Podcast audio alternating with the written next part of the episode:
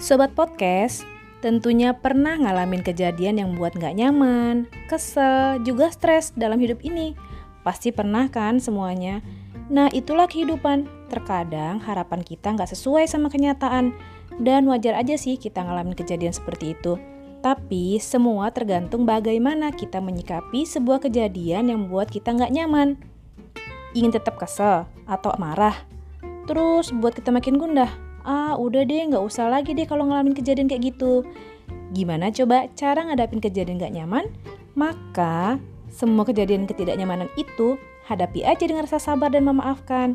Sabarlah dalam menghadapi orang-orang yang tidak sependapat denganmu, berusaha menghambatmu atau bahkan membenci kamu loh. Karena semua kejadian gak nyaman itu hadir untuk menjadikan dirimu lebih kuat dan tangguh. Terus, berilah maaf karena dengan memaafkan akan memberikan kelapangan hati dan memperindah masa depan kita. Oke sobat podcast, demikian tipsnya dari Mila jika kita mengalami kejadian yang membuat kita nggak nyaman atau kesel. Tetap semangat dalam hidup, tetap nantikan episode selanjutnya di podcast Suara Hati Mila. Salam sayang dari Mila.